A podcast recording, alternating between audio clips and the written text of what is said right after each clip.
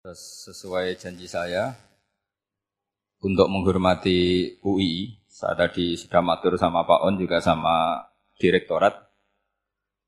UI adalah kampus yang didirikan oleh para ulama, para profesor sehingga sudah seharusnya setiap makalah ilmiah itu ada referensinya, ada marojeknya.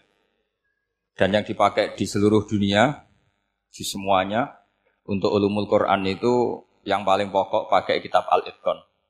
Al-Itqan fi Ulumil Quran karangannya Imam Suyuti. Sebelum saya terangkan teks persisnya itu ada sekian problem dalam memahami Quran, terutama kalau lewat terjemah. Problem itu bisa gawat, gawat betul, bukan gawat-gawatan tapi gawat betul.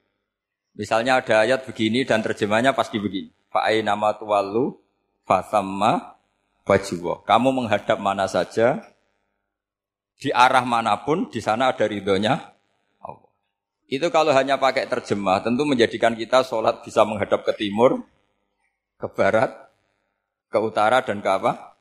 Selatan. Saya cerita sedikit tentang asbabin nuzul. Memang e, tema sekarang tentang asbabin nuzul. Dulu Rasulullah Shallallahu Alaihi Wasallam ketika di Mekah itu sholat menghadap Ka'bah. Tapi setelah pindah di Medina, di mana Medina itu ada komunitas Yahudi dan Nasrani, Rasulullah itu menghadap ke Baitul apa? Maqdis. Kira-kira 16 bulan. 16 sampai 17 bulan. Semua riwayat itu kisarannya hanya 16 sampai berapa? 17 bulan. Sehingga orang Yahudi itu bilang begini, Muhammad ini baiklah, meskipun dia membawa agama baru tapi kiblatnya masih ikut kita, masih baik kan. Setelah 16 bulan Nabi diperintahkan Allah untuk menghadap ke Ka'bah. Awal liwajaka syatral masjidil haram. Maka orang Yahudi itu berontak. Berontaknya adalah kiblat mereka ditinggalkan. Cara berpikir orang Yahudi itu kiblat mereka ditinggal. Sehingga mereka bilang mawallahum ang qiblatihim allati kanu alaiha. Apa yang menjadikan umat Islam berpaling dari kiblat Baitul Maqdis. Kemudian mereka provokatif betul. Ini perlu diperjelas. Provokatif. Bilang begini.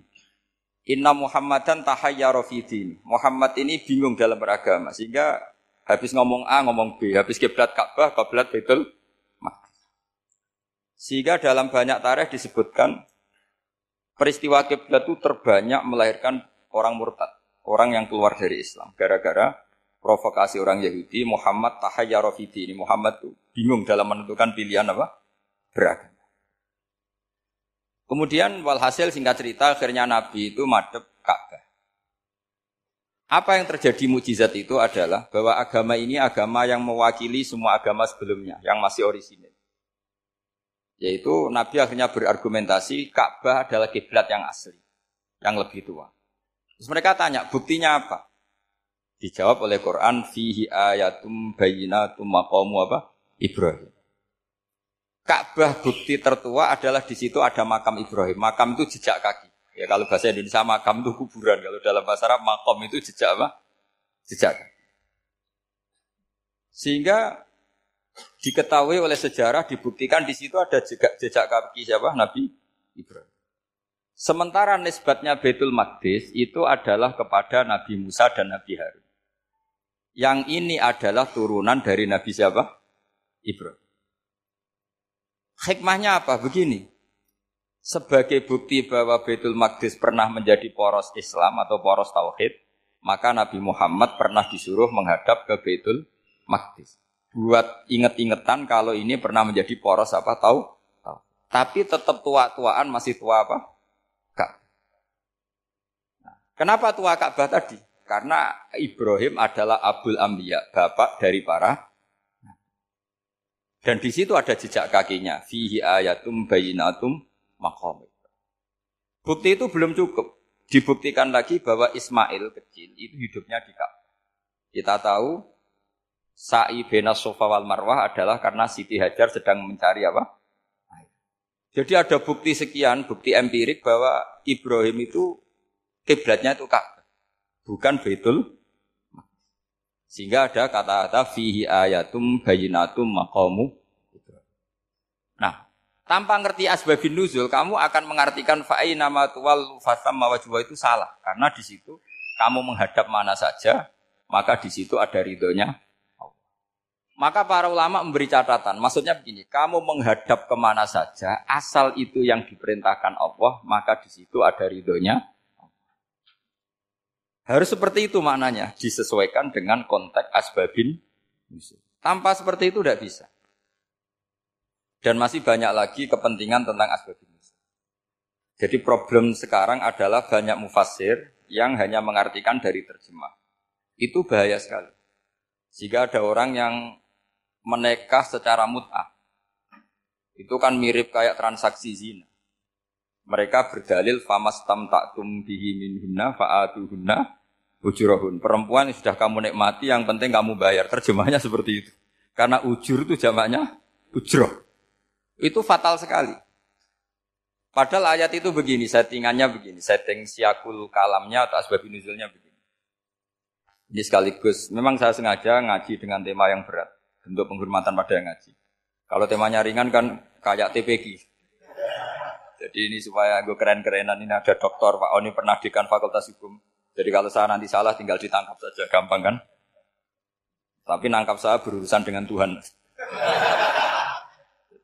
Kalau orang dekat Allah itu yang yang tanggung jawab itu Allah. Jadi dia bisa menang di kepolisian tapi kalah di hukum Tuhan. Berhadapan-hadapan dengan saya. Begini asbab nuzulnya begini.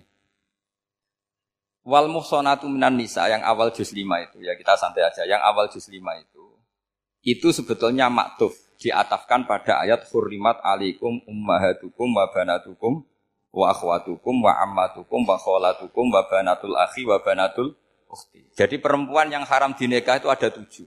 Yang faktor nasab, yaitu siapa? Ibu, putri, saudara putri, bulik dari bapak, amah itu bulik dari bapak, kholah itu bulik dari ibu, keponakan dari saudara lelaki, keponakan dari saudara perempuan. Ini disebut haram karena nasab, nasab gen.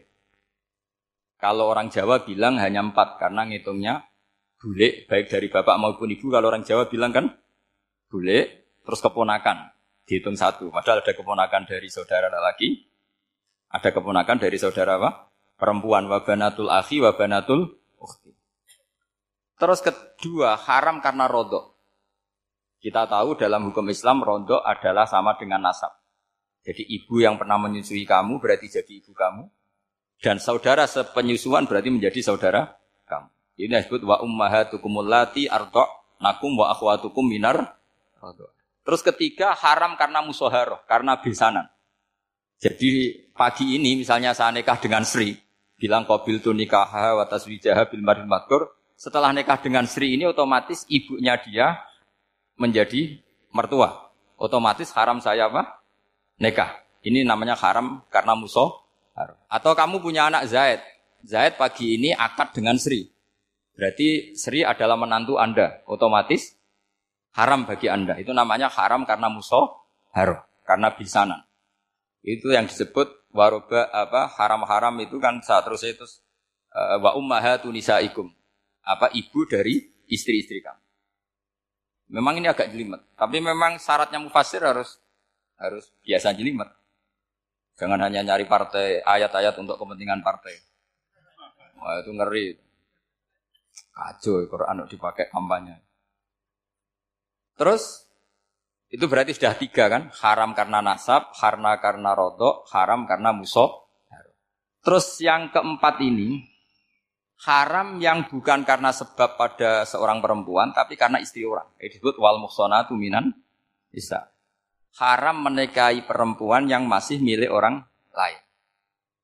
Nah, orang lain yang menikahi ini, istilahnya Allah adalah lelaki yang menikahi perempuan ini adalah lelaki sing muhsini naghira musafihin secara nikah yang sah.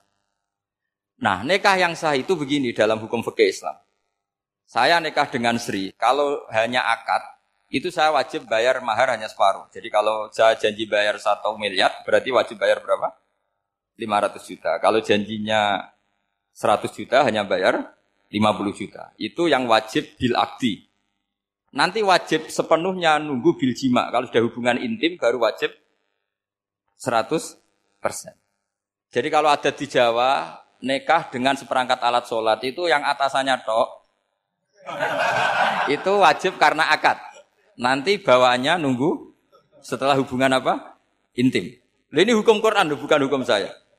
Makanya kan wa in talaqtumuhunna min qabli an suhunna saat terusnya terus panis suma faradtum. Hanya wajib bayar setengah. Nah. Nah, perempuan yang sudah diajak hubungan intim itu kata Allah fa'atuhunna ujurahun, maka wajib kamu bayar pen jadi ayat itu itu tentang perempuan yang sudah dinikah, kita harus bayar berapa? Harus bayar penuh. Ini penting saya utarakan. Nah, problem kita sebagai orang Indonesia ini juga problem Pak On, problem semua kiai. Mahar di Indonesia itu nggak bisa dibahas di Quran. Karena keterlaluan, kecilnya itu keterlaluan. Saya ini kan kiai, sering ngakatkan tuh sampai bosen, seperangkat alat sholat. Tuh itu ngawur sekali, ini mbak-mbak harus nggak mau gitu. Saya ini saya saya provokasi minimal itu ya berapa? 100 juta berapa? Pantasnya berapa? Pantasnya berapa? 10 gram itu berapa nilainya? Kan 1 gram 500 ribu, baru 5. Ya sudah mendingan itu, 10 gram. Quran itu bayangannya gini sambil latihan, yang hafal-hafal biar latihan. Jangan dapat beasiswa karena hafal tapi nggak jelas lunturungannya. Quran itu bayangannya gini, ini nggak mungkin Quran ini bisa dibaca di Jawa. Wa in aradtum istibdala zauji makana zauji wa ataitum ihdahunna intoran fala ta'khudhu minhu syai'a. Jika kamu nikah sama seorang perempuan, kemudian kamu cerai, maka mahar yang sudah kamu berikan jangan ambil lagi. Karena mahar di Arab itu mahal, 100 juta, kadang mobil Alphard, kadang GMC. Sehingga setelah menceraikan tuh kebayang narik. Kok enak, dulu saya memberikan itu kan karena dapat servisnya, sekarang sudah saya cerai, saya tarik. Kalau mahar di Indonesia kan seperangkat alat sholat. Jadi gak kebayang ada kalimat fala tak hudu minhu saya jangan ambil lagi. Kebayang ngambil aja enggak? Apalagi kalau nikahnya sudah dua tahun kan sudah lusuh sudah. Tapi kalau di Arab itu kebayang karena mahal. Makanya orang Arab suka nikah orang Indonesia karena murah. Jadi bahasa kintoron tuh harta yang nggak ternilai. Wa tum ihdahunna kintoron. Yang nggak ternilai, mahal betul. Itu pernah saya hitung, ada yang mahar itu 400 juta, ya sekira segitu. Nah makanya setelah dicerai Allah memperingatkan setelah kamu kasihkan ya jangan minta lagi. Kenapa kepikiran minta? Karena jumlahnya besar. Kalau di Indonesia kepikiran nggak minta, ya. nggak kepikiran, saking kecilnya. Seperangkat alat sholat kadang satu juta, satu juta itu setelah hubungan intim sebelumnya yang wajib hanya 500. Itu kan gak kebayang. Makanya susah ngartikan Quran di Indonesia kadang susah karena kadang terlalu. Itu pernah Sayyidina Umar radhiyallahu anhu pernah bilang begini. Wahai para perempuan, mahar itu jangan mahal-mahal. Kasihan para lelaki. Itu ada perempuan alimah ya, orangnya alim betul. Meskipun nggak pernah sekolah di UI, tapi alim itu. Itu usul langsung gini, ya ya Amirul Mukminin, laisa dzalika laka ya Amirul Mukminin. Waqat qala ta'ala wa ataitum ihdahunna kintaran. Kamu hanya seorang Amirul Mukminin, tidak berhak bikin aturan pembatasan mahar. Allah saja tidak batasi. Kenapa kamu batasi? Sehingga dulu yang namanya nikahnya Sulaiman Agung atau Jamaluddin siapa Ratu Agung.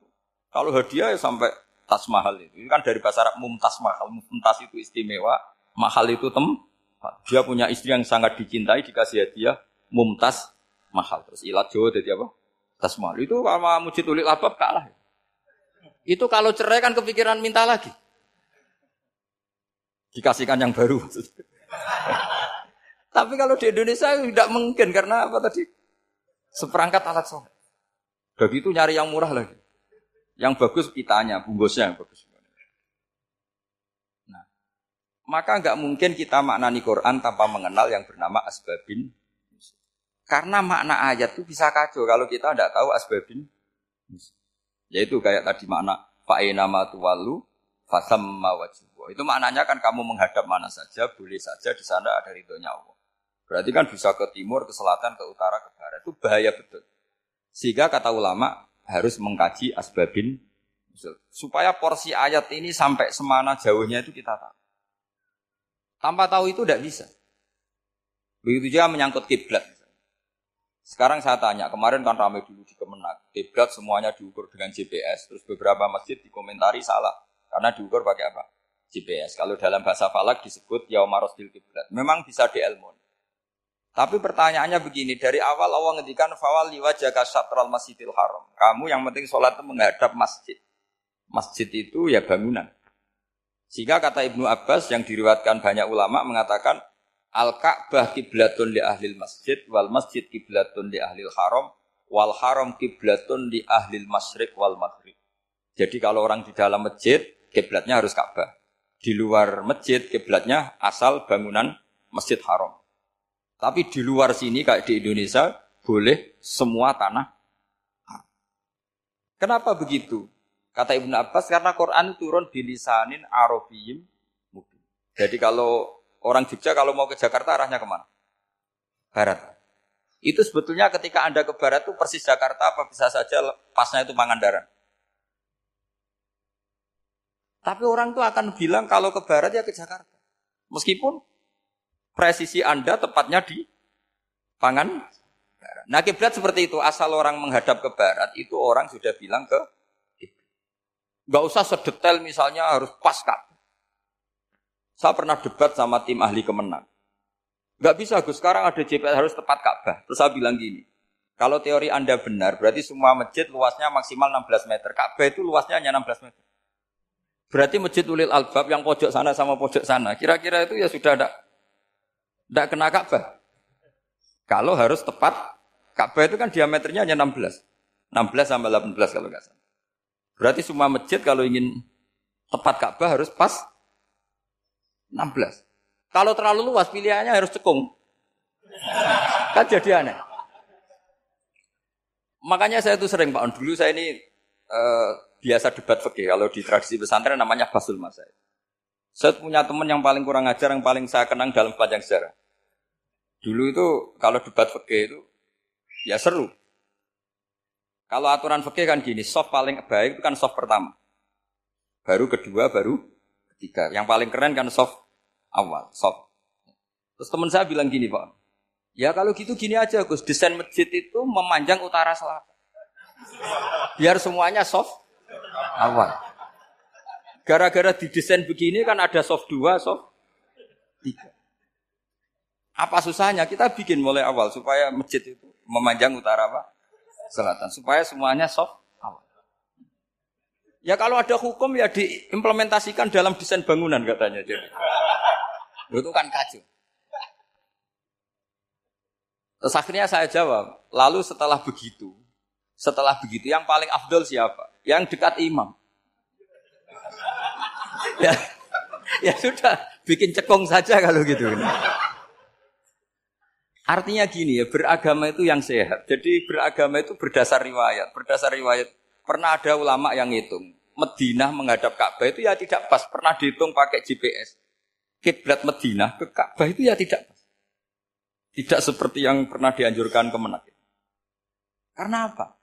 agama ini ngikuti bilisanin arabiyim mungkin seperti jenengan gini. Semua ini istilahnya apa? Menghadap Gus Bah. Padahal ada yang gak sana, gak sana. Semuanya ngaji sama siapa Gus Bah? Ya sudah. Istilahnya bertatap muka. Memangnya kita benturan. Ini bahasa. Jadi seperti ini semua namanya apa? Berhadap.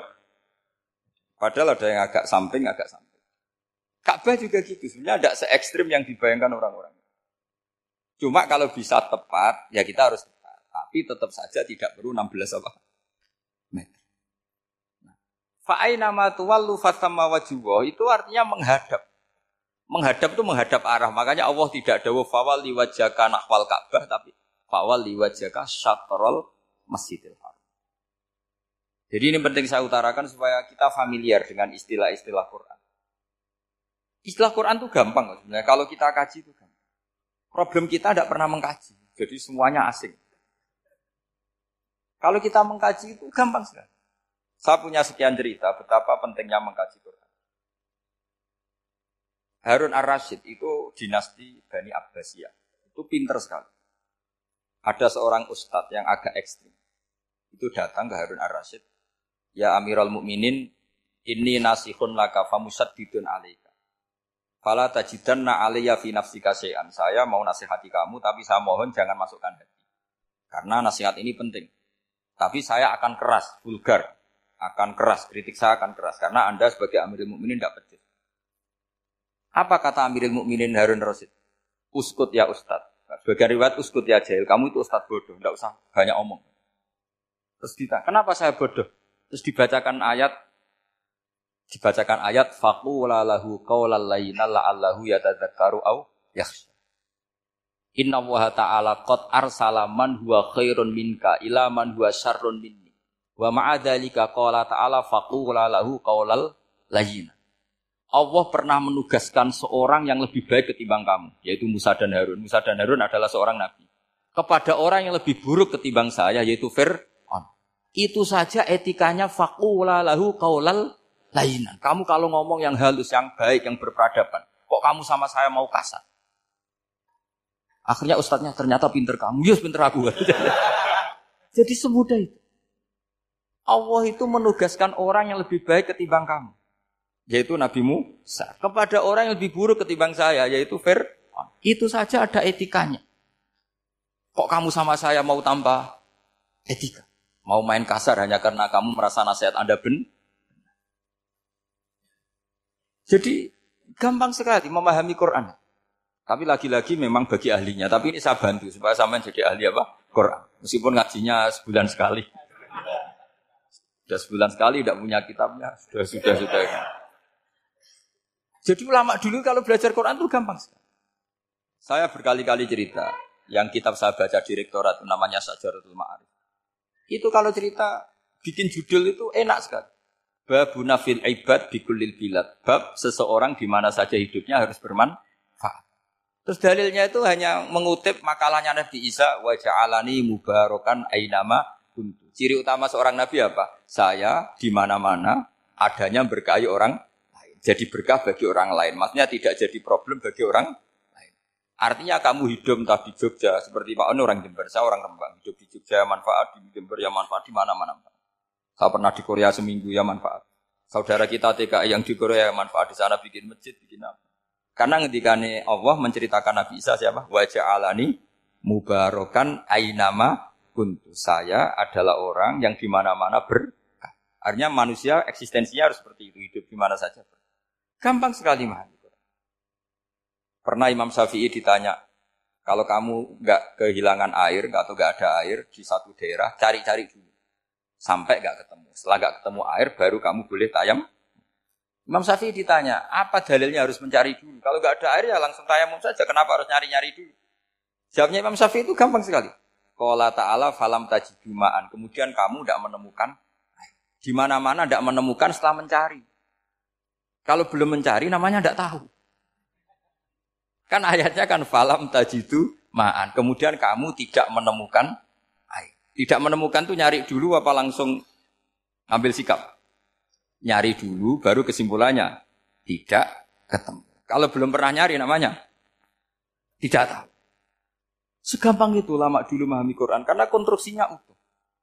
Yaitu mereka tahu betul bahwa Quran itu bilisanin Arabiyim ketika Futuhat Syam. Syam dulu itu dikuasai tentara Romawi. Era Sayyidina Umar Futuhat. Yerusalem dikuasai tentara Islam. Itu awal Sayyidina siapa? Umar. Umar radhiyallahu anhu. Ketika futuhat mau ada pesta besar-besaran. Tapi Umar menolak.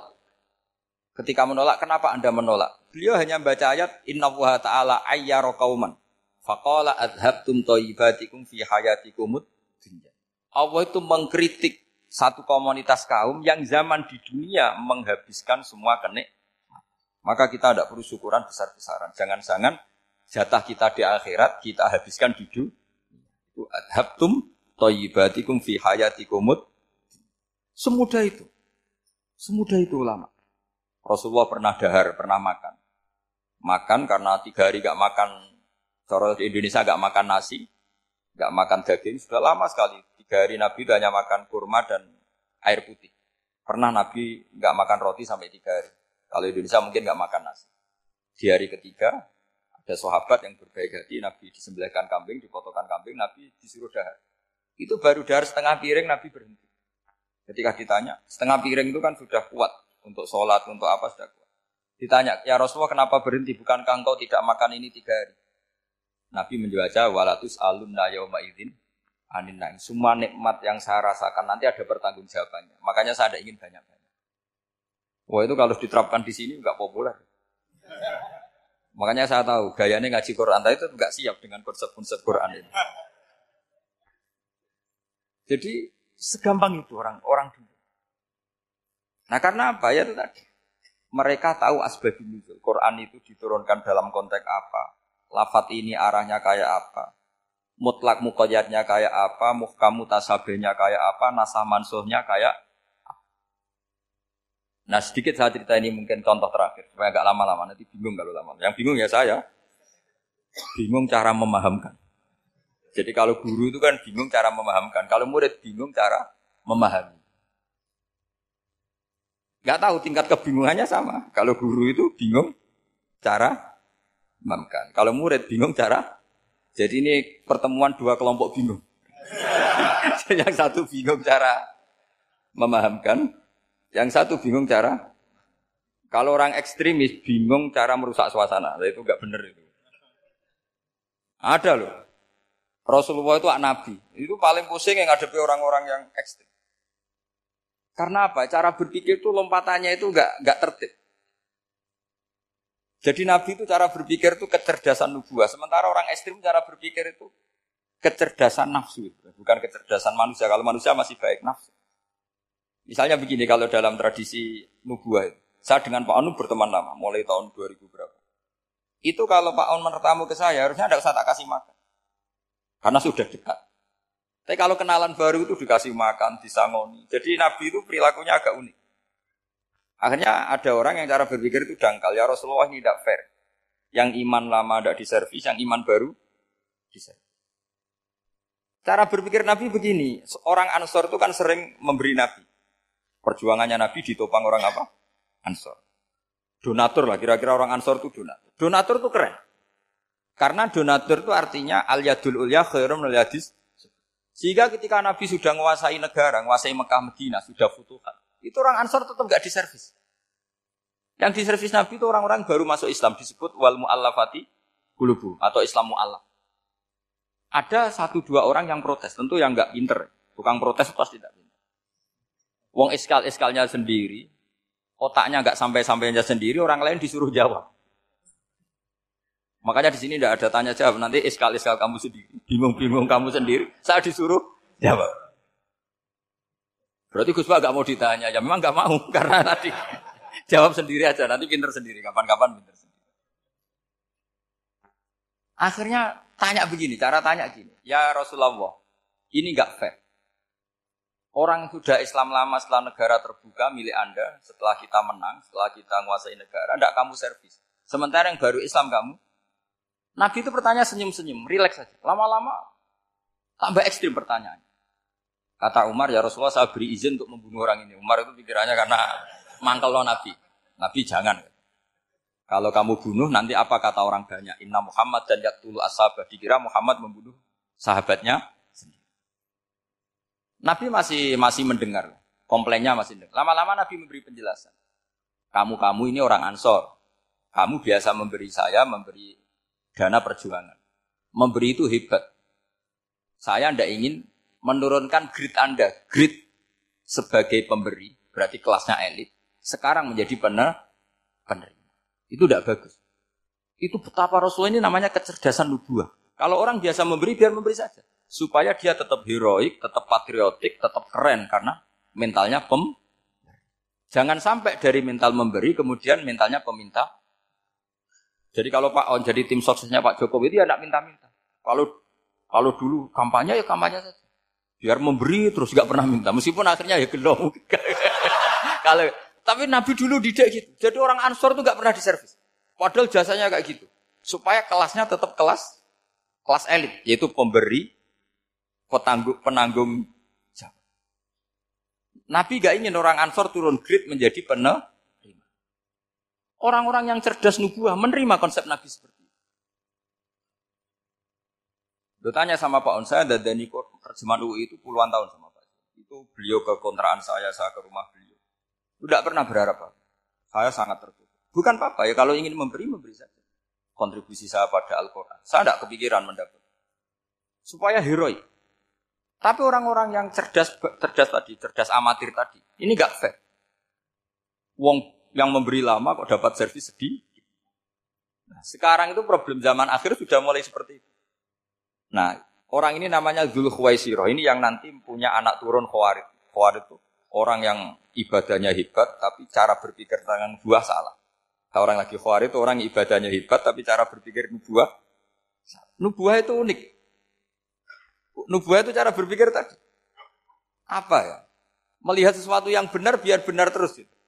Ya itu tadi, mental memberi itu ya biar memberi terus, tidak usah di-share. Maka ketika Abu Bakar jadi khalifah, jadi khalifah Rasulullah, itu ada sistem kepegawaian. Itu gajinya Umar yang sudah Islam lama, gajinya Abu Bakar yang sudah Islam lama. Itu sama Abu Sufyan sama, padahal Islamnya Abu Sufyan baru setelah Fatih Mekah. Kira-kira baru setahun. Terus diprotes sama orang-orang, ini Islam lama kok gajinya sama Islam yang baru setahun kok sama. Kata Abu Bakar, Fado ilhum indawa. Mereka punya kelebihan Islam lama itu indawa. Nanti balasannya biar surga. Kalau di dunia sesuai profesinya. Artinya profesi kalau penjaga kantor ya berapa, kalau dosen berapa, pokoknya ya sudah. Dan itu diterima oleh sahabat. Semuanya nerima konsep itu. Era Umar agak dibalik. Abu Sufyan kira-kira gajinya satu juta, Abu yang lainnya yang menangi Nabi mulai awal gajinya 10 juta. Ditanya, ya Umar, kenapa ini jadi rubah seperti kebijakan Abu Bakar, tidak seperti Abu Bakar? Jawabnya Umar lucu. Fawwah la usawi bena man qatala Rasulullah wa bena man qatala ma'a Rasulillah. Demi Allah saya tidak akan pernah menyamakan orang yang dulu merangi Rasulullah yaitu Abu Sufyan dengan orang sing selawase dari Rasulullah yaitu Sayyidina Ali dan sebagainya. Ini penting. Artinya ketika gajinya orang saya seperti Ali radhiyallahu anhu itu tinggi itu bukan karena lamanya Islam, tapi karena lamanya iman. Jadi mulai dulu istihad itu ada dan dulu dia biasa saja. Karena tadi ada kecerdasan nubuah. Saya ulang lagi, ada kecerdasan apa? Sekarang itu kecerdasan tomak atau kecerdasan nafsu. Itu kalau sampai ngaji kitab tasawuf, itu bab itu tidak ada. Menurut kitab tasawuf, medit itu tidak ada, pikir itu tidak ada. Yang ada itu tomak. Tomak itu berharap dikasih orang lain. Sampai pernah nggak bilang kalau artis-artis di Jakarta kikir? Tidak pernah kan? Karena kamu tidak pernah ingin diberi. Tapi kalau kamu punya pacar karena kenal tidak pernah ditraktir, oh pacar saya kikir. Karena kamu ingin diberi. Pernah nggak kamu hukumi orang lain kikir yang nggak kenal? Padahal tidak pernah memberi kamu. Apa? Karena kamu tidak pernah i. Coba sekarang kamu saya tanya, ini latihan cerdas. Definisi kikir itu apa coba? Gak pernah memberi kamu kan? Artis-artis Jakarta, tokoh-tokoh nasional pernah nggak memberi kamu? Enggak kan? Tapi enggak pernah kamu vonis kikir. Karena kamu enggak pernah toh. Tapi pacar kamu, kok amin ditraktir terus. Atau istri kamu, atau mertua kamu, kok enggak ngasih warisan, kamu bilang kikir enggak? Sebabnya kikir betul apa karena kamu tomak, berharap? Tomak. Maka di kitab tasawuf itu enggak ada bab kikir, yang ada bab tomak. Karena asal usul menfonis orang kikir itu karena tamak. Maka jangan banyak kenal orang, nanti banyak hukum kamu. Kan? Sombong juga gitu. Di tasawuf itu nggak ada bab sombong. Karena orang hukum orang lain sombong itu karena kamu ingin dihormati. Ada orang nggak kenal, terus lewat saja nggak tanya kamu. Kamu bilang sombong enggak? Enggak kan? Tapi kalau kenal, oh sombong betul, kenal nggak tanya kan.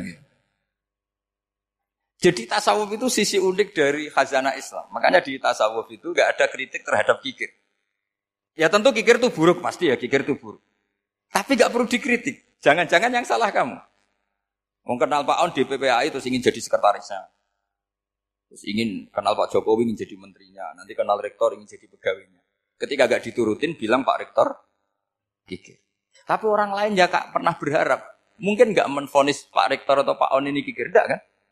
Berarti fonis kikir itu status orang itu apa gak kesampaian niat kamu? Memang agak jelimet ilmu tasawuf itu, tapi itu unik. Itu bagian dari khazanah apa? Makanya Rasulullah itu sering istiadah minta perlindungan wa min toma'en fi ghairi matma'in. Ya Allah, saya tidak ingin berkeinginan yang tidak layak. Karena semua dunia ini dimulai dari keinginan. Coba kamu protes negara itu karena apa? Ingin makmur sejahtera tanpa kerja sehingga nyalakan menteri keuangan, menteri ini. Makanya kalau guyonannya ulama tasawuf gini, tak beri bocoran. Guyonannya orang tasawuf. Begini guyonannya. Anta lam tajid min nafsi kakul lama turid. Fakai faturi itu min ghairi kakul lama turid. Kamu yang punya keinginan saja tidak bisa memenuhi apa yang kamu inginkan. Kenapa keinginan itu kamu timpakan ke orang lain untuk memenuhi kamu? Wong kamu yang punya keinginan saja tidak bisa mewujudkan. Kenapa keinginan Anda kamu timpakan, bebankan orang lain untuk memenuhi keinginan Anda? Misalnya kamu, Gus saya ini goblok, tolong pinterkan. Wong kamu yang ini saja tidak bisa. Kok menyuruh saya? Jadi kalau tiap tasawuf itu unik. Seperti kamu mencintai istri tulen itu ingin kan dicintai istri tulen. Kamu sendiri kan nggak bisa cinta tulen, masih pelengahan sana sini. Kamu pacaran, ingin pacar kamu setia. Ternyata kamu bikin sekian alternatif. Kalau putus ini punya ini, putus ini. Tapi kamu ingin ini setia kan gak fair. Makanya guyonnya orang tasawuf itu anta lam tajid min nafsi kullama turid fakai faturi tu min ghairi kullama turid. Gampang tuh apalane pokoknya pokoknya ratrit gitu aja gampang. Jadi kamu yang punya keinginan saja tidak bisa memenuhi. Kok orang lain disuruh memenuhi. Sehingga orang tasawuf itu malu betul. Misalnya saya kok ingin Pak On takdim sama saya itu kurang pegawai. Kalau saya ingin ditakdimi saya, saya menakdimi diri saya sendiri. Makanya berbahagialah orang yang ngilu saya ganteng sendiri ya Allah. Saya kaya sendiri. Menunggu orang lain bilang kamu kaya itu repot. Menunggu orang lain bilang kamu hebat itu, ya sudah bilang aja ya Allah saya hebat, ya Allah saya ganteng, ya Allah saya cantik. Daripada menunggu orang lain bilang apa? cantik. Jadi ilmu tasawuf itu unik. Jadi kalau fikih itu yang dikritik itu kikir. Kalau tasawuf nggak toma. Karena orang yang kamu vonis kikir itu jangan-jangan tidak kikir tapi mementingkan yang lebih penting. Misalnya ada teman yang tidak pernah naktir kamu, ternyata punya ibu sakit, uangnya dianggarkan untuk ibunya yang sakit, atau anaknya sekolah, atau keluarganya masih butuh biaya, ya, sehingga sama teman dia kikir. Hakikatnya kikir apa mementingkan yang penting? Tapi kamu karena gak pernah ditraktir menfonis kikir. Nah, ini pelajaran. Jadi makanya yang dianteni ilmu tasawuf itu tomak, tamak tadi kalau dalam bahasa Indonesia, bukan kikir. Karena fonis kikir itu akan disematkan orang yang tidak kesampaian hajatnya. Makanya bapak saya itu, keluarga kia itu ajarannya itu. Yang penting jangan berharap dari orang lain. Ini Pak On saksinya, saya dulu benain terjemah itu nggak pernah ingin diperlakukan seperti itu. Yang ngaji aja. Karena pikirannya keluarga kia itu sederhana. Kalau ngamal ya ngamal saja. Ngamal tuh heroik. Makanya buyut-buyut kita semua ini kan pahlawan semua. Membela negara Indonesia jadi merdeka. Ya nggak pernah kebayang jadi presiden menteri. Tapi sekarang nggak ngamal sedikit saja harus jadi menteri jadi. Ini bahaya kalau dalam kelangsungan bernegara karena orang biasa transaksional. Awal negara ini dibangun berdasar heroik bukan berdasar apa? Transaksional. Tapi sekarang orang akan berla, akan apa membiasakan itu apa-apa itu transaksional. Ini tidak bagus untuk kelangsungan bernegara. Apalagi kelangsungan beragama. Sehingga seperti saya ini masih punya desa-desa binaan di Seragen, di pedalaman Papua sekalipun. Saya punya santri banyak di Papua. Itu kalau cerita itu unik-unik. Itu mau Jumatan, itu nggak ada orang 40. Sudah datang setengah 12. Itu datangnya 3 jam. Di situ mau ketemu santri 3. Semua, karena ya akhirnya mereka tanya gini Pak. Pertanyaannya itu Gus, boleh nggak Jumatan orang tiga? Secara fikih Syafi'i kan harus orang empat. Kemudian mereka tak bilang buat sholat duhur saja. Mereka nggak mau. Wong Jumat Jumat kok duhur. Harinya kan Jumat. Masa sholatnya? Sehingga kita kita yang jadi kiai akhirnya nyari nyari figul madhabil arba. Nyari fikih madhab Ternyata Imam Malik membolehkan orang enam. Ada yang bilang dua belas. Yang penting keceluk jampun. Jampun itu kelompok. Kalau tiga kan belum keceluk apa? Belum. Belum disebut apa? Kelompok. Ini penting saya utarakan supaya kita berjuang itu bukan karena service seperti ini kayak di Ulil Alba masjidnya keren, kampus swasta tertua terus termasuk nomor satu dua di Indonesia. Oke kita syukur dengan kebesaran UI. Tapi yang namanya dakwah itu menjadikan orang tidak tahu menjadi tahu, termasuk kepada desa-desa terting. Sama. Yang namanya menteri itu pembantu presiden untuk memenuhi kebutuhan rakyat banyak. Sekarang misalnya menteri pertaniannya itu hebat cerdas, tapi petani nggak mau nandur padi mau apa? Coba yang membantu ketahanan pangan itu para petani mau nanam padi apa karena menteri pertanian apa pertanian? Karena petani mau nanam. Ya sudah GR saja, kita pembantu presiden semua. Karena ikut menyumbangkan ketahanan Tapi kamu kan gak digaji, kita keren, ngamal tambah harap-harap gaji. Ini lu enggak, ini penting. Supaya Anda itu enggak enggak hati kecil gitu. Ikut menyumbang negara tanpa ingin dapat gaji. Keren enggak? Nah itu nubuah. Apa? Nubuah. Orang Ansor itu seperti itu. Sehingga ketika Rasulullah wafat dan ada kompetisi kepemimpinan, itu orang Ansor gak ikut. Sudah kita makmum saja, silahkan dibagi di saking baiknya orang Ansor. Nah, makanya saya ulang lagi ya. Kecerdasan nubuah ini yang gak difahami orang khawarij. Orang khawarij cara berpikir yang kerja banyak harus dapat.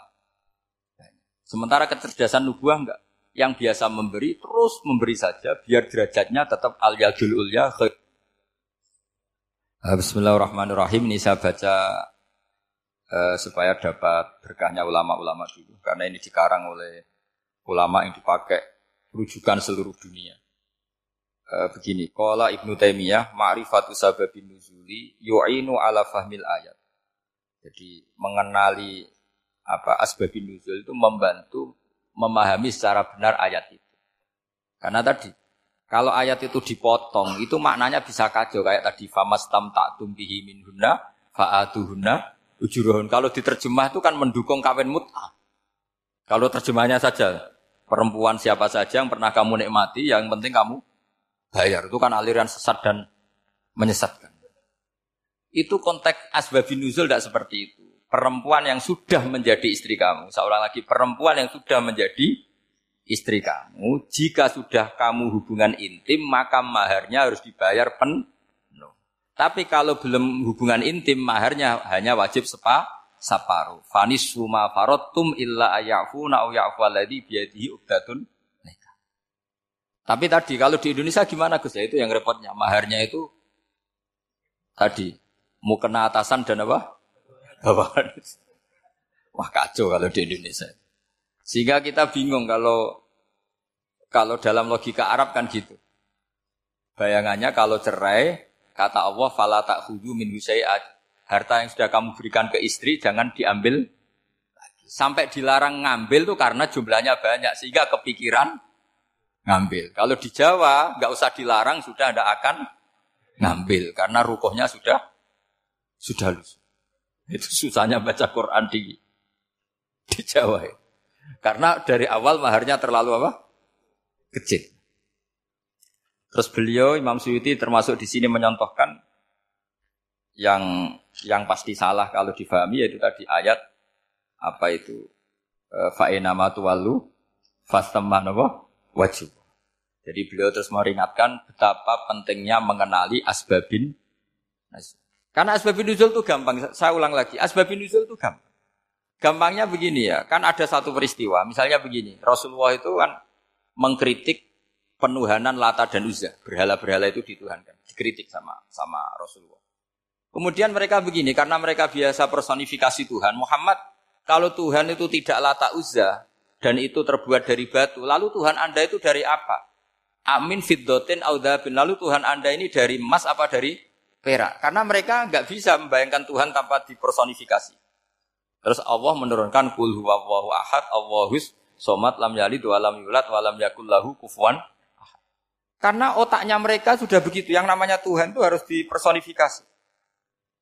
Makanya saya kemarin di Korea seminggu. Cerita yang paling unik gini Pak On. Ada bos Islam, ada bosnya TKI yang baik. Mereka mengizinkan pekerjanya sholat. Bareng sholat tuh diingeti ke atas ke bawah, kok nggak ada arcanya. Sehingga setelah sholat dibilang, apa saya berikan berhala sekalipun? Karena nggak kebayang ada orang sholat kok tanpa berhala, tanpa Tuhan. Yang kamu sembah itu mana? Kok nggak ada? Apa tak belikan? Jadi unik. Nah teman saya yang satu unik lagi, dia termasuk pegawai Garuda yang derekno saya ke Korea itu orang pegawai Garuda. Dia karena orang kaya biasa ke Eropa ke mana-mana. Singkat cerita dia sholat di mall. Karena nganggep Korea itu sudah negara maju kayak Eropa. Setelah sholat di mall pas asar itu. Sekuritinya nelpon polisi. Pak polisi di sini ada ritual teroris. Jadi kalau menamakan sholat itu ritual. Jadi artinya apa? Ritual-ritual yang kita lakukan itu macam-macam cara pandang. Orang ateis itu Kan Cina kan Korea itu kan ya Cina lah Korea, Jepang, RRC itu kan sipit. Itu ya yang namanya ibadah sembahyang ya harus ada patungnya atau ada arcanya atau ada benda-benda. Orang Islam kan nggak ada sama. Makanya mereka itu kok bisa? Problemnya kita, saya ulang lagi, ini problemnya. Problemnya kalau ada itu ya repot. Begini misalnya, ini masih tentang asbabun nuzul. Ini contoh terakhir tentang masih asbabun nuzul. Umar radhiyallahu anhu sahabat Umar itu kalau mencium hajar aswad itu sambil gedumel. Tidak berdoa tapi gedumel. Masyur. Itu ada di Bukhari. Alim tu annaka hajarun la tadur wa la tanfa walau la anni ra'aitu Rasulullah qabbalaka ma qabbaltuka. Saya tahu loh. Nyium nyium hajar aswad dicium tapi sambil gedumel. Saya tahu loh kamu hanya batu, enggak mandoroti, enggak manfaati. Kamu jangan GR saya cium itu jangan GR. Kalau saja saya tidak melihat Rasulullah mencium kamu, maka saya ada sudi nyium kamu. Dah gitu aja. Terus, terus, terus itu tiap nyium hajar itu tidak doa. Kalau kamu kan nggak minta kaya, minta macam-macam. Kalau Umar malah gitu. Nah, kenapa demikian? Itu ada asbabun nuzulnya. Umar itu saksi sejarah. Ketika Rasulullah Fathi Mekah, Nabi kan tawaf terus mencium hajar. Itu di belakang masih banyak orang kafir. Kebetulan Umar masih di sana. Sudah Islam Umar, tapi dia di belakang. Dengar orang-orang kafir, Muhammad itu tua aneh. Katanya nyembah, katanya melarang nyembah batu. Ternyata dia nyembah batu. Jadi Nabi nyium hajar aswad itu dikira nyembah. Katanya ngelarang nyembah batu, tapi dia kok nyembah batu. Karena Nabi mencium hajar. Nah karena untuk menghilangkan stigmasi itu, Umar tiap hajar aswad ngomong gitu. Ada kan ada sound system, mungkin jadi sound system. Supaya jelas bahwa penciuman ini bukan karena menyem, menyembah. Artinya mudah sekali kenapa Umar ngomong gitu karena asbabun nuzulnya seperti itu. Coba kalau kamu tidak tahu asbabun nuzul, Umar maksudnya gimana? Gak doa, gak apa kok malah ngomong gitu kan? Tapi kalau kamu tahu asbabun nuzul Umar itu yang mendengar komentar orang mus sama ketika kita tawaf itu kan tiga pertama kan kita lari-lari kecil. Itu ceritanya juga gitu. Rasulullah itu hidup di Medina, terus diterkenalkan miskin. Medina itu kota wabak, kota penyakit, endemik. Dulu Medina, Yasrib itu kota endemik. Sehingga kata orang kafir-kafir Mekah, Yaji uliha dal bet kaumun kot wahanat hum huma Yasrib. Nanti akan datang satu komunitas kaum yang sudah lemas karena kena penyakit apa? TBC dari apa? Yasrib. Nabi dengar itu makanya terus bilang ke para sahabat, tunjukkan kalau kamu kuat dengan cara lari tiga Terus pakai pakaian yang kelihatan maco, yaitu yang ya yang dipakai lelaki-lelaki. Bahunya dikelihat. Nah, setelah Rasulullah wafat, Umar menggantikan beliau setelah Abu Bakar. Umar bilang gini, sebetulnya tawaf seperti ini, yaitu lari pertama apa tiga putaran pertama lari dan memperlihatkan apa pundak seakan-akan orang maco itu sudah nggak perlu karena alasan itu sudah tidak ada. Tapi ini tinggalan Rasulullah, maka jangan rubah ya tetap seperti. Akhirnya meskipun sudah tidak ada alasan tadi menjawab stigmasi orang apa kafir, tetap tawaf seperti jadi memang agama itu unik. Kadang kita harus tahu alasannya, tapi alasan itu kalau menjadi mahatul hukmi, pijakan hukum sah, sah. Misalnya kamu terus bilang gini, ya berarti tawaf sekarang bebas, gak perlu seperti itu. Kan alasan itu sudah ada, tidak ada. Nah di sini pentingnya riwayat. Riwayat itu begini, logikanya sudah nggak ada, tapi kefiah itu, cara itu masih kita terus. Dan itu memang saya ulang lagi harus tahu asbabin nuzul. Saya beri contoh ya misalnya, wa idza darabtum fil ardi falaysa alaikum junahun an taqsuru minas sholah. Terus saya ayat di mana? In khiftum ayyaftinakumul ladina kafaru. Jika kamu pergi dalam keadaan takut ditangkap orang kafir atau takut diculik orang kafir, maka kamu boleh mengkosor sholat. Itu jelas ada ayat in khiftum ayyaftinakumul ladina kafir. Jika kamu takut diculik orang kafir. Sehingga ketika Ba'da Fatih Mekah, setelah Mekah dikuasai Islam, Umar tanya, ya Rasulullah, kenapa engkau masih sholat kosor? Bukankah kita sudah aman? Waqat qala ta'ala in khiftum ayyaftinakumul ladina kafaru Allah ngendikan boleh mengkosor itu kalau dalam kondisi tak takut. Waktu pun nafi amdin sekarang kita sudah aman. Jawabannya Rasulullah itu unik. Ya Umar hadihi sodakotun, fakbalu sodakot. Ini sodakohnya Allah, bonus sudah terima saja, nggak usah catatan-catatan gitu. Sehingga era Umar ya ada lagi yang tanya Umar ke gitu. kata Umar, saal tu dalika Rasulullah Shallallahu Alaihi Wasallam fakola hadhi sodakotu wa fakbalu sodako. Sudah ini bonus dari Allah terima saja. Ini kan unik. Padahal kalau secara disiplin ilmu kan begini. Kamu boleh mengkosor sholat kalau dalam bepergian dan dalam keadaan takut. Logika hukumnya kalau tidak takut, tidak usah. Sama seperti begini. Kamu kalau pergi jauh seperti saya Pak On, itu ngosor sholat apa enggak? Ngosor kan? Alasannya kalau kosor itu, kalau pergi itu masyakot, repot. Sekarang pergi kita pakai Alphard, pakai Innova. Bawa uang, disupirin, itu masyakot enggak? Enggak kan? Tetap boleh jamak enggak? Boleh. Sebenarnya kamu jamak itu karena pengetahuan hukum apa karena enak jamak? Kalau alasannya masyakot, kan sekarang sudah ada. Enggak repot. Ya sudah pakai hadis tadi, ini hadiah, terima saja. Jadi makanya agama itu riwayat. Tapi ada saja ulama yang agak-agak ya agak balik loh. Agak balik gini, banyak juga ulama misalnya dua gawe, punya ibunya sakit terus ribet jamak sholat. Kenapa? Ribet ngurumat ibu. Makanya ada saja kiai yang dua gawe mantu itu terus jamak sholat, tapi jangan ikuti. tapi ada saja karena alasannya jamak itu karena apa? Repot. Ya ada saja, tapi ya jangan ditiru.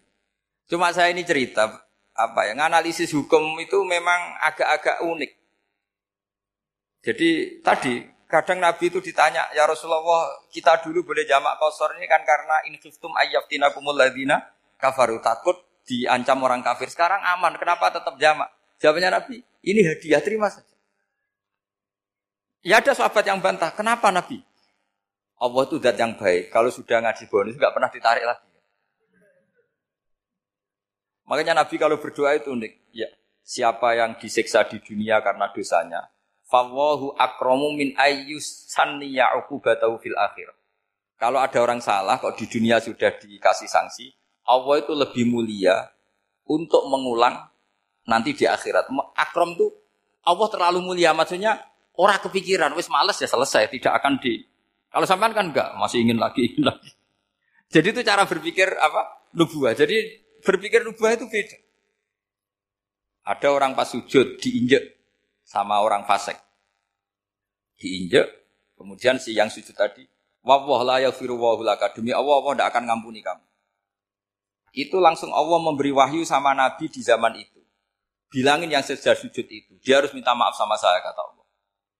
Mangdalladhiya ta'ala ala fulan. Dia bersumpah bahwa Allah tidak akan memaafkan orang itu. Itu harus diralat. Nabinya iskal, kenapa ya Allah? Yang Tuhan itu saya. Saya ini punya sifat dua, bisa menyiksa dan bisa memaafkan. Kenapa dia milih sifat saya satu tidak memaafkan? Akhirnya apa? Orang yang nginjek tadi sama Allah dikasih tobat dan jadi orang soleh. Jadi itu makanya kamu nggak boleh jadi orang ekstrim nyifati Allahnya satu. Enggak boleh, Allah tetap bisa yaghfiru lima yasa wa yu'adzibu Sifatnya Allah dua ya tetap dua, enggak boleh kamu pilih satu. Misalnya kamu kan biasanya gini, yang ghafur untuk kamu, yang satu dulu kop untuk orang lain. Mesti kelakuannya sama kan begitu. Enggak boleh seperti itu. Rasulullah kayak apa bencinya sama Wahsy? Karena Wahsy itu qatilu Hamzah. Yang membunuh Sayyid Hamzah siapa? Itu bencinya bukan main Rasulullah. Sampai masuk-masuk Wahsy. Tapi sama Allah malah diturunkan ayat laisa laka minal amri syai'un aw yatuba alaihim aw yu'ad Muhammad, meskipun kamu kekasih saya itu tidak wilayah kamu, maafkan atau enggak, terserah saya kata Allah. Ternyata betul, malah wasi dikasih tobat. Nah sekarang enggak orang itu nyifati Allah sama orang lain sadidul ikob, kalau sama dirinya. Enggak boleh seperti itu, Allah ya sifatnya tetap dua. Jadi boleh kamu misalnya berdoa, ya Allah mbak yang cantik itu semoga dapat istri jadi istri saya. Mbaknya juga boleh berdoa. Ya Allah, naudzubillah min dalik. Jadi ini adu kekuatan. Nanti terserah. Nanti Allah pihak yang mana. Kayaknya pihak yang perempuan mungkin. Karena kasihan kan kalau cuantik dapat orang apa? Jelek.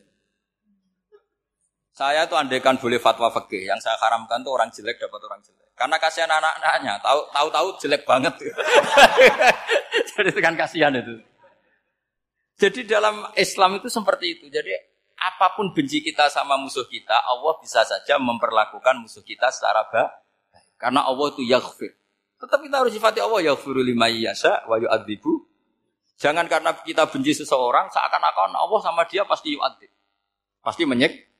Itu yang dicontohkan Allah kepada Rasulnya itu beliau tidak cocok sama wahsi, malah wahsi dikasih petunjuk. Makanya terus ada ayat apa laisalaka minal amri syai'un au yatuba alaihim au yu'adzib. Muhammad tidak wilayah kamu, saya menentukan mengadab atau mengam Makanya rata-rata kiai ulama itu halim. Orang halim itu rileks. Layinal janib tidak gampang menfonis orang lain. Biar Allah tetap dengan sifatnya ya aluma biasa bahwa Allah bisa melakukan apa saja. Soal kamu benci sama seorang, benci saja atas nama kamu. Jangan nyatut-nyatut Allah. Misalnya kamu cinta seseorang, wah ini yang calon presiden ini harus jadi presiden. Ternyata Allah menghendaki jadi menteri mau apa? Ya Allah ya falumaya sak mau apa coba? Yang kiai atau Pak On, DPAI, pantasnya kan Menteri Agama itu Pak On. Tapi kalau Pak yang tegir gitu mau apa ya sudah, ya falu. Santai aja.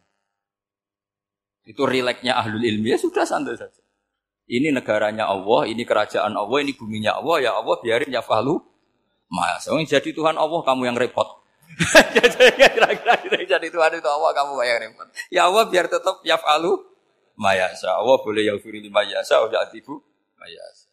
Saya kira demikian. Assalamualaikum warahmatullahi wabarakatuh.